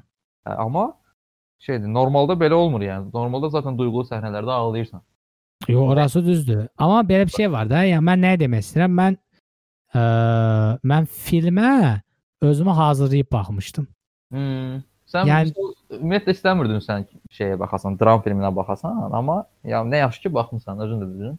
Yo, mən dramı xoşlayıram, amma baxır necə dramda. Biri var mənasız dram. Özün bilirsən də çox uzadırlar. Ay nə bilim, çürüdürlər söhbəti Də falan. izləyəni duyğu sömürüsü ilə sömürüb ruhunu elə əminlə də belə. Belə ay- o lazımdır. Belə deyim də, aysa belə deyim də. Əgər em, Kinolar elə dansı ki. yəni empatiya quranda absurdluğu hiss elədimsə buraxacam başını dramanın. Ay yox, ya, o da lazımdır. e. Ola bilər Yox, mən elə ağır baxıram. səh- Çox ağır səhnə də ola bilər, e. amma o səhnə üçün yarım saat ağlamaq lazımdır. Daha bir hekayələri dəyişin də kino zaten nə qədərdir ki 90 ilə 2 saat arası olur da normalda. E, drama əslində bilirsən, drama risklidir. Yəni drama çəkirsənsə, həqiqətən risklidir. Baxır necə çəkirsən. Sən demişkən, yəni çox duyğu sömürüsü elədinsə batdın. Yəni söhbət nədən gedir? Yəni satış potensialı olaraq dram çəkmək, yoxsa həqiqi mənada yaxşı dram çəkmək? Həqiqi mənada dram çəkmək çətindir. Amma satış potensialı olaraq tüklərin elədiyi duyğu sömürüsü satdırır deyə onlar çəkirlər. Nə var ya onu eləmək? Sa- 7-ci koğuş məsələn. Nədir o bir dənə Baxmamışam. 7-ci koğuşda möcüzədir, nədir? Netflixdə də var. O şey, Allah korusun, ay Allah, kim oynayır? O cavan oğlan var, e? Aras, hə, hə, hə. Aras Bulut iynəmli oynayır. Abi onu hamı tərifləyir axı. Duyğu sömürüsüdür o. Hə, bax, duyğu sömürüsü. Yaxşı Kino baxmamışam. Axırında, axırında kinonun axırında mənim bəyənmədiyim bir şey var, prosta demirəm. Bəlkə baxarsan sonra danışarıq. Hə, yox, mən baxmayacağam, deyə bilərsən. Mən Deyim, aha. Heç nə, kinonun axırında bir dənə kilit bir şey var. Adam elə bir ya öləcək ya ölməyəcək də. Ha. Göstərirlər birinci ölür. ha. Aa, sonra sən demə öl ölməyib. Kinonun finalını bağlayırlar mutlu sona. Kino başdan ayağa dram dram Ey. gəl gəl gəl axırda elə elə. Yəni sən Acımadı ki, hə acımadı ki. kinoteatrdakı izləyiciyə hər şeyi vermək istəyirsən. Abi dram çəkmirsən belə qəşəng. Qəşəng deyəndə ki, adam 6-lıq 7-lik. O vicdan əzabı ilə çıxıb getsinlər. O adam orada ölüb qutarsaydı, o finalda ölürdü də. Bütün o tensionu qaldırırsan, Hə. qaldırırsan, orada tık astılar, bitdi. Amma sən onu eləmirsən. Sən o, o duran onu yaşadırsan şeyə, izləyiciyə. O şey stresi yaşadırsan, alladırsan onu. Ha. Hə, görək ki, çox istəyirsən də. İstəyirsən yaxşı olsun kino. Onu eləyirsən, sonra ekran qaralır, açılır. Sən demə, "Cık, axşamdan başqa plan imiş bu. Başqa ölünü şey eləyiblər, qoyublar. Adamı qoyublar. Bunu da şeydə maşından qaçırdıblar. Aa, ya buna Hmm. ehtiyac var, ya mutlu sona ehtiyac var. Yəni come on da, yəni mutlu sonlu şeyləri bitirək. Nağıla baxmırıq ki. Həyatda yaşa mutlu son. Valla yəni belə deyim də, 7 manat biletdir də, mutlu son belə, amma biz buna para verdik. Yəni, Abi Şeyə- Məsələn, bax sən deyirsən elə baxma. Sən mən, mən sualım hazır saxlamışdım ki, məsələn, mən sənə deyim ki, WhatsApp-da deyilən sual deyil də məsələn. Hə. Ə, belə ə, sə- canlı olaraq eşitmək istəyirdim. Məsələn, mən sənə deyəcəydim ki, o mami yeri var, e, Hə. ağlayır, hönkür öpcür, təp təp təp, Hə. hönkür hönkür ağlayır. Hmm, belə deyim də, bax təsəvvür elə 80-90 yaşındasan Hikmət. Bax sən. 90 90 Yəni güzel. 80-90 da belə yaşdasan. -hı. Um, Bomba özünü o vəziyyətdə görmək istəyirsən? Kim istəyir, heç kim istəmir. Mami deyə, yox, yaddaşın yoxdur. Zaten istədin, istəmədin, o heç. Yox, yəni xa- o, o mami dedi bir dəqiqə sonra çıxıb parkda gəzəcəkdi qızla yadından çıxacaqdı onsuz da. Um, məsələ nədir? Yəni empati qurmaqda şeyim o idi. Yəni filmi mən verdiyi onu deyirəm. Yəni bir anlıq özümü qoydum ora. Yəni o mami deməyi falan filan. Sonra o deyəsə filmdə də deyir o sözü yoxsa mən hardasa oxumuşdum filmin sonu ilə bağlı bir fikri. Belədir də, dünyaya gəlirsən bir heçdən, qaranlıq bir yerdən. Yəni dünyaya gəlməmişdən qabaq bir şey xatırlayırsan? Yox. Yoxdur elə bir şey. Yox, Zaten bəzi manyak konspirasi teoriyalar var. Abi ona girməyək. Girməyək sənlə bir də. tamam. You know what else? Abi, yəni dəliz deməyim nədir? Konspirasi danışa bilərik çox zadə. Ə, Mənim deməyim nədir? E, Zaten e, doğ doğuşdan sonra, dünyaya gələndən sonra özü, yəni xatirələr nə vaxtdan başlayır? 3 yaşdan, 4 yaşdan sonra xatırlamağa başlayırsan da, yavaş-yavaş.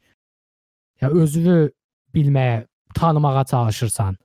Məsələn, Aha. 12 yaşına gələndə 4-5 yaşında nə elədiyin yadındadır. O vaxtlar yəni 1 yaşında, 2 yaşında nə elə, yəni yaşın olmayan 6 6 aylıqda nə eləmsən? Yadındadır? Yox. Ümumiyyətlə doğmamışdan qabaq nə hardaydın, necə idin? O proseslərin heç birini bilmirsən. Yəni o mənada deyirəm. Nəyə Qaranlıq. görə, nəyə görə şapatlayıblar, nəyə görə qulağım çəkilib? Onlar Yəni də heç nə də, yəni yox ümumiyyətlə lap dibə gedək. 9 ay ana bətnində. Qalib qaranlıq idi zaten. Hə, ya heç nə şey eləmirsən axı, elə bir şey yoxdur. daraldım yəni. ya, daraldım. Yəni elə bir şey yoxdur yəni. Xəyalında, xatirəndə elə bir şey. Yəni demək o o məndə deyirəm ki, Başqa bir şey də var. Bir də email, misal üçün daha öncə uşaqlığa dair də hansı ki sən 6 aylıqsan, 1 aylıqsan, ona dair hə, video çəkilişlərə baxırsan, sonra bunun üstündən biraz keçir. Bunun üstündən harasa bir 2 il falan keçir, 3 il falan keçir. Sən elə sənə elə gəlir ki, sən e, o yaşındakı olan evin mənzərəsi sənin yadında qalıb. Güya ki sən 6 hə, aylıq. hə, elədir, Belə bir aldatmaca da var. Yəni çox adam da buna şey eləyir. elədir. Hə, mən Amma yadımda idi. Mən 16 ayda yadımda qalır. Xalça belə idi, var belə. Amma məndə də valla şəkillərə baxanda elə bilirəm ki, o ev elə idi də. Hə, amma amma o yalandır, o illusiondur. Elə bir şey yoxdur. Ay sağ ol. Məsələn indi bax o o filmin sonu mami hissəsi nəyə bağlayıram? Məsələn qaranlıqdan gəlmişdi. Hə. Abi qocalanda da belə qaranlıq kimi gedirsən. Bu şeydir, topraqdan gəldik, toprağa gedirik. Bu kötü-kötü bir şey. Yox, xəstəlik mənasında deyirəm. Heç nə xatırlamırsan o mənada. Elə də. Yəni onsuz da doğulanda da heç nə xatırlamırsan, həyata gəlirsən, öləndə də heç nə xatırlamaya, xatırlamaya getmək abi çox kötü ya. Amma şeydir, yəni Kötü-kötü. elə bil ki, normal normal kimi oldu belə deyəndə. Yəni zaten bilmirdin, öyrəndin. Sonra da orada bildiklərini də unutmağa gəlsən. Abi çox pisdir. Şeylər var, mən- var, deyir, son gününə qədər xatır, özündə idi. Son gününə qədər xatırlayırdı falan. Ay o pisdir. Mən Allah eləməsin ya. Mən elə bir şey istəmərəm. Dəhşət bir şeydir o. Yəni təsəvvür də abi 80-90 yaşın var, hər şeyi unudursan 90 yaşında sağsan. Hələ bir 5 ildə yaşayassan. Yəni yenə deyirəm, adamda adamın adama qalan tək şey və experience. Deyirlər, yeməkdir, gəzməkdir. o da No, experience. no, no, Hə, no. o Ham, hamısı da experience. Sən experience zaman itirsənsə, sən o şey sən sən o Robin Williams niyə öldürdü özünü? Robin Williams o xəstəliyə tutulmuşdu da. Yavaş-yavaş hər şey gedirdi. Unudurdu. O da Hmm. sən nətər? Ailəsi falan var, hər şey normal idi da. Deyir ki, mən unuduram. Bir də o şey olur da, "A, bu havan dəyişir də." Çevrəndəki Ha. insanlara qarşı münasibətin falan dəyişir. Ucu ucu problemli bir insana çevrilirsən də. Ucu sən hə, sən ucu şeyləşdirmək lazımdır. Sənin dərmanla bir şeylər eləmək lazımdır da. Buna da getmək olmur, axır özünü öldürdü. Yay ayları Yadıma gəlir. 2018 idi 17. Çox yaxşı. deyirəm də. Robin Williams yaz Google-a belə sən aktyor, çox tapdı bir aktyor. bilirəm, ay o mənə dediyi şeyə bax. Onu onu mən Robin Williams'ı mən Robin Williams'la tanışdığım bilsən hara dayanır? Jumanji-yə. Jumanji-dən də Jumanji də qəşəngdir. Bir də bir dənə Bir başqa də şey, nənə nənə e, nənə rolu. Yo yo, bir dənəsini deyəcəm mən. Dayan. Bax qulaq as. Matt Damon'la da var şey. Yox, yox, yox. Dayan da. Balakiri. Vietnam. Yox. Ə, ölür. O bir dünyaya gedir. Ha. Ə, hər tərəf belə kraska kimi deyə. Ala atarsan, atarsan. Mənə linkini atarsan baxaram. Yan. Yan, yan. O manyak Hər kinoda o uşaq vaxtı Diskri description-a bax, hər tərəf kraska kimi deyə. yan. Williams King. Bir də şey vardı. Alim olur jelibon düzəldir yaşlı rəngdə. Basketbolsan ayağının altına yapışdırırlar. ya. Valla Ha, onlar What desən dreams baxmamışam. may come. Bu kino. Atarsan mənə at şeydə. WhatsApp-da zad at linkin, nə bilim Letterboxd-da falan. Letterbox. Belə abi, yəni ümumi e, ha bizim hər bir sözümüz də var idi. Məsələn, e, The Father kinosu səncə heç mi Oscar götürməz? Aktyoru demirəm təkcə. Aa, biz bu barədə hə danışmalıydıq, doğru. Heç mi Oscar Niyə? götürməz səncə? Səbəbi Ya təkcə şey, ə, indi deyim, təkcə aktyor demirəm. əslində məncə götürə biləcəyi tək dal aktyor oyunudur. Bəlkə kurguya görə nəsə bəlkə götürər, amma şeydir də kino budget olaraq, yəni production olaraq şeydir də. Ə, güclü büdcə tələb eləyib, yəni yuxarı səviyyəli bir şey kimi deyil ki, nominələr arasında gəlsin, qalib çıxsın. Plus rol Ümumiyyətlə nominələr açıqlanıb. bilmirəm, baxmamışam, amma rol birbaşa da Anthony Hopkins üçün yazılıb. Yəni şey də hər şey çox belə sən necədir? E, qarantdır da. Yəni bir formula var. On, yəni orada şey yoxdur. Risk elədik, yaxşı alındı şey yoxdur. Plus da aşağı low production'da. Yəni 4 8 5 6 nəfər adam var orada. Bir məkandır, bir də bir xəstəxanaya gedirlər. Yəni film olaraq ən yaxşı film falan beləsə əlbəttə olmayacaq. E, aktyor rolu oyunu olaraq güclü rəqibləri var. E, yenə də rolun birbaşa onun özü üçün yazılmış olmağı da biraz minus kimi gəlir də. Yəni sən niyə Anthony Hopkins e, rahat deyə bilirik də özüdür burada. Çünki adam Instagramda paylaşdığı videoları daha manyakdır da. Düzdürmü? Hə, Burada burada onun hələ biraz aşağısıdır. Yəni Anthony Hopkins rola girmək üçün nəyinib? Heç. Zaten dedik mən ümumiyyətlə şeydir, rolla bağlı şeylər var da. Orada məsəl üçün hər səhnədə adamın rola, rola dair, o akta dair bir şeylər qatdığını biz görürük kinoda. da. Hər səhnəsi dolu doludur da. Hamısı olar datadır da. Bu adamın yaddaşında problem olsa həqiqətən özündə. Yəni bu qədər informasiyanı, bu qədər məsəl üçün bu cür özümü aparım, bu cür reaksiya verim, bu cür durum belə eləyim, belə eləyim. Şeydir, mən inanmıram bunlar hamısı sırf intuitivdir də. Böyük ehtimal bunun yaddaşında kifayət qədər müşahidə var, müşahidə nəticəsi var və deyir ki, məsələn bu rolu adam bu cür oynamalı, bu vəziyyətdə, bu cür davranmalı, bu reaksiya cavabı, bu cür olmalıdır. Mimiklər falan hamısı yəni orada smoothie keçidlər, slide keçidlər hamısı çox qəşəngdir də.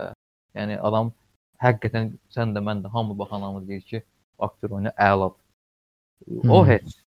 Amma məsəl üçün Belə deyim də. profili, karakterin profili şeydir orada, ə, yəni özündən çox qıraq deyil.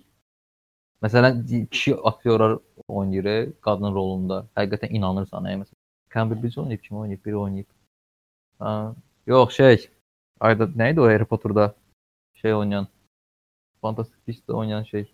Newt Scamander oynayan aktyor deyəsən oynamışdı qadın rolunu. Ha, deyirsən adam kişidir, qadın olub da konkretdə. Yəni bunun o tərəfi var, yox. Ha, Amma şey yəni sırf yəni izah eləmək istədiyim budur. Yəni aktyor oyununa görə də almasa bu səbəbdən al, bu səbəblərdən almamış ola bilər və mən inanıram ki, al, al, almayacaq yəni.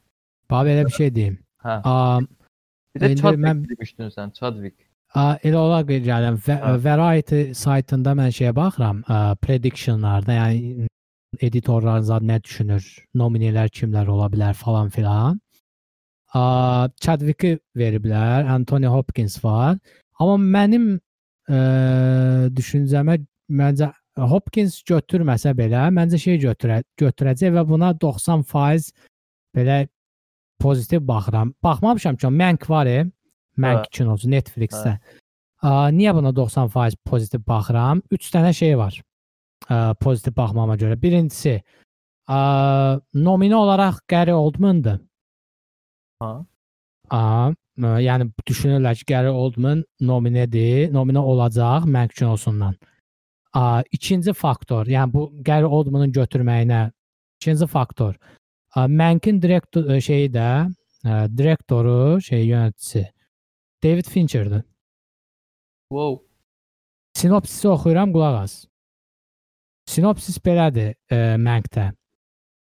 Deyir, e, şey 1930s Hollywood is re-evaluated through the eyes sketching. Nə şeyə aiddir. Um, Recipe Screenplay sizin o- e, 1930-ların e, Hollywooduna aiddir. Alkoholik və e, social kritik yazar Herman e, yazar Herman haqqındadır məsələ film. Aha. Hermanı da Gary Oldman oynayır və yönetməni də David Fincher'dir 1930-dan Hollywooduna aiddir. Və filmdə də Herman alkoholikdir, social kritikdir və şey bitirmə bir dənə yazısını Citizens Citizen Kane for Orson Welles deyə screenplay-i bitirməyə çalışır. 1930-ların Hollywoodunda.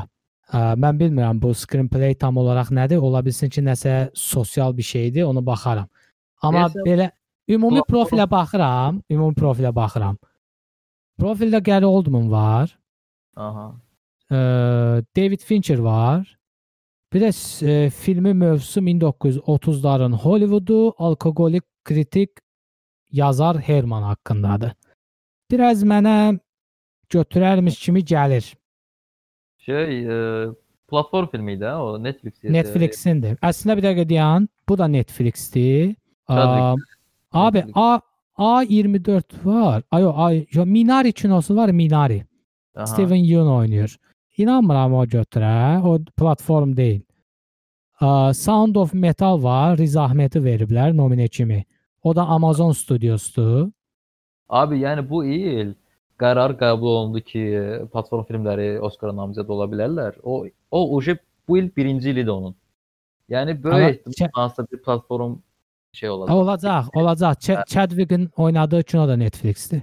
Hə, Yəni ona 3 görə dənə şey- Netflix var. Chadwick'in Platform- oynadığı Defada, bir də şey, Mank. platform olmayanları çıx. Bir dənəsi 100% olacaq platform Mən, çünki məncə məncə gəri götürəcək. Mank də götürəcək. Çünki çox güclü profili var. Ən yaxşı O. aktyor oyunu adı ilə bəlkə nəsə gedər. Baxmamışam düzdür kinoya, amma yəni David Fincher varsa, Gary Oldman nə qədər pis oynaya bilər? Düşünmürəm, yəni baxacam. Özdə kino şeydir. Ağ-qara. Hə. Yəni götürmə ehtimalı böyükdür. Yəni mən belə düşünürəm də, yəni Hopkinsin düz deyirsən. Hopkinsin götürmə şeyi zəifdir çünki Hopkins heç bir obrazı canlandırmayıb əslində, çox da. Hopkins Hopkinsdir də, adam özünü oynayıb. Yo, o, o da demək olmur ki, şeydir də, elə bil e, Hopkins çox yaxşı aktyordur. E, ona görə şeydir. Ha götürə bilər, ya, bilmirəm. Yəni bir də Məncə- gördüm verdilər. Məncə yox, məncə verməyəcəklər. Baf, Bafta deyə salıb, harda salıb. Orada bu da nəsə bir şeylər alıb. Amma ki Oscar alacağını mən düşünmürəm. Valla Oscarda bəzən gerizekalıca qərarlar olduğuna görə. Orada güclü lobby var, ona görə onun təsiri. Hə, yəni ya Hopkinsin Hopkinsə dəstək verən də çox ola bilər o filmə görə. Um, ümumiyyətlə həm belə deyim də, həm Hopkinsə görə, həm o sən bayaq dedin birinci filmidir yönətmənin. Hə. Aa, bu faktorları nəzərə alıb ortaya möhtəşəm iş çıxdığına görə də Hopkins götürə bilər. Bilmirəm, yəni Qudurtmuyor. İndi verib qudurtmuyor da. o da ola bilər. Yəni bala bir 3 dənə çək falan. Amma məncə ə, yəni Gary Oldman çox böyük rəqibdir nominasiyada. Yəni o götürmə ehtimalı çox böyükdür. Çünki amma belə bir şey də var. Gary Oldman 2017-də zaten götürüb, təzə götürüb. Verərlərmi 4 ildən sonra bilmirəm. Hansı filmə görə şey, Şeyə The Dark Hour var, hə, hə. müharibə dövrünə şeyi. Churchill oynayıb da orada səhv eləmirəmsə. Um, 4 ildən sonra təzədən Gərin götürməyim ola bilər. Bilmirəm. Ki baxmamışam. E, gəl filmə bilmirəm Gərin nətər oynayıb, amma mən inanmıram ki pis oynasın abi. Gəridir o. E, Baxıb daha sağlam bir şey demək olar. Amma belə bir şey də var da. Bəzən elə o ki baxsan desən, "Əh, püf bir də görsən Oscar götür." Ə, hə, hə. Məsələn, o mənim mən xoşuma gələn film olacağını düşünmədiyim üçün heç vaxt listimə qoymamışam da. Mənə də biraz sıxıcı gəlir. Sıxıntı gəlir, amma Amer Amerikalıların ə, biraz xoşuna gələn temalar, öz qurğularının Belə deyim, əslində. Amerikalı əslində Amerikalı izləyiciyə də məncə o qədər möhtəşəm film deyil Mank. Yox, Mən gələ göyə, olan vecinədir ki, onlar özləri. Mən Mank sırf, bu Mank kinosu hiss edirəm ki, sırf yazar tayfası, film sektoru tayfası, Hollywood tayfasına xitab edən bir filmdir. Ə, yəni belə deyim də film sektorunun içində olan bütün insanlara aid filmdir. Aktyorundan tutmuş, işıq tutanına qədər, ssenarisindən tutmuş, Hollywoodda olan ə, jürilərə qədər falan da, yəni ümumi.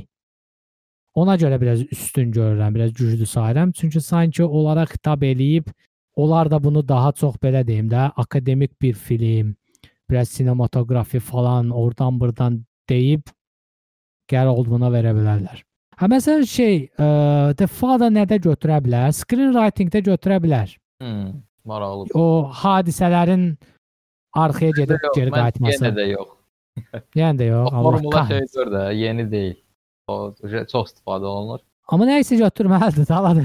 Hopkins varsa buna nəsə oyununa verə. görə, amma deyəcək aktyor oyununa görə götürsün, götürsün, götürsün. Yo, aktyor oyununa görə belə deyim. də, Hop eləyəcək deyə deyirlər. Hopkins. Mən bayaq dediyim kimi, yəni orada The Father rolunda Hopkins olmasa, ə, belə deyim də, Hopkins, Jack Nicholson, ə, hayda o birinin adı nədir? Freeman, Freeman. bunları çıx, bunlardan baş kim? Batman'dəki o şey Alfred. Ha, bir daha şey. Neydi ha onun hədd- həqqi adı? Alfred ondan. Elə Alfred. Great success. Adam. Um, yəni belə babacanları çıx, Hollywoodun babacanların. Orala başqa bir qoca adamı qoysan, or heç bu kino ə, üzə çıxmazdı. Heç belə yəni yanından keçməzdilər bu kinonun. Mən sırf yəni ona görə baxdım, yəni Anthony gördüm. Tabii, mən də, yo Anton yenə də deyirəm, o babaları çıx. Ya məsələn Freeman olsa baxardım. Nicholson olsa göydə tutardım.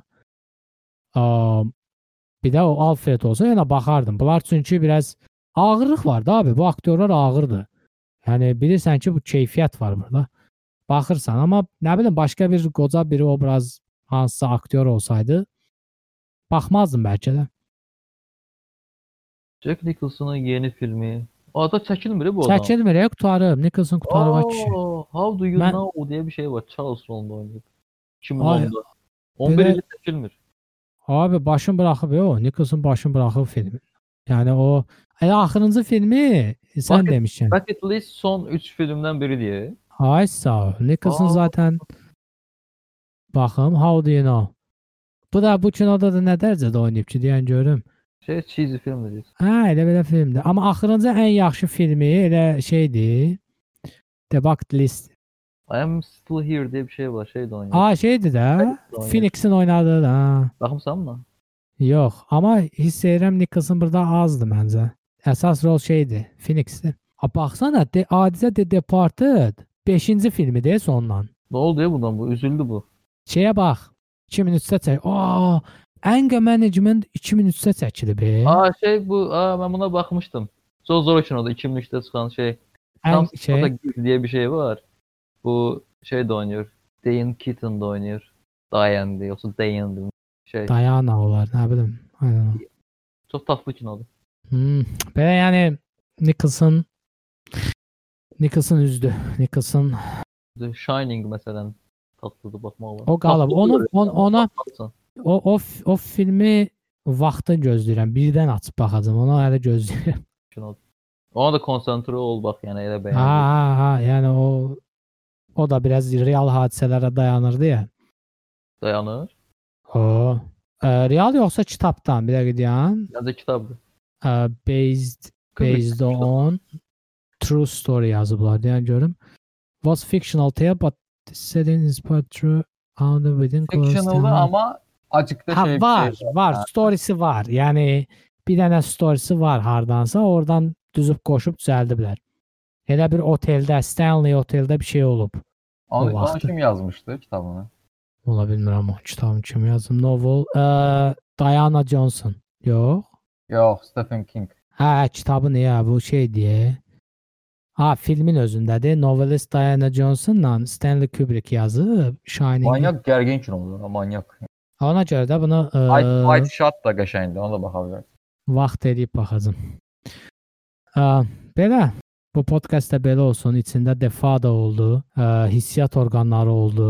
Məncə maraqlı idi. Dinləyənlər komment yazsın. Bu arada birinci videoya baxmayanlar da, podkastımıza baxmayanlar da Vüsalberg podkast yazaraq YouTube-da Baxa baxsın. bilərlər. Hə, belə. Oldu. Hələlik. Hələlik növbəti podkastlarda nə? Görüşərik. Ha, xoş günlər, heç kimi incitməyin. Görüşərik hələlik. Başqa heç. Hə, belə.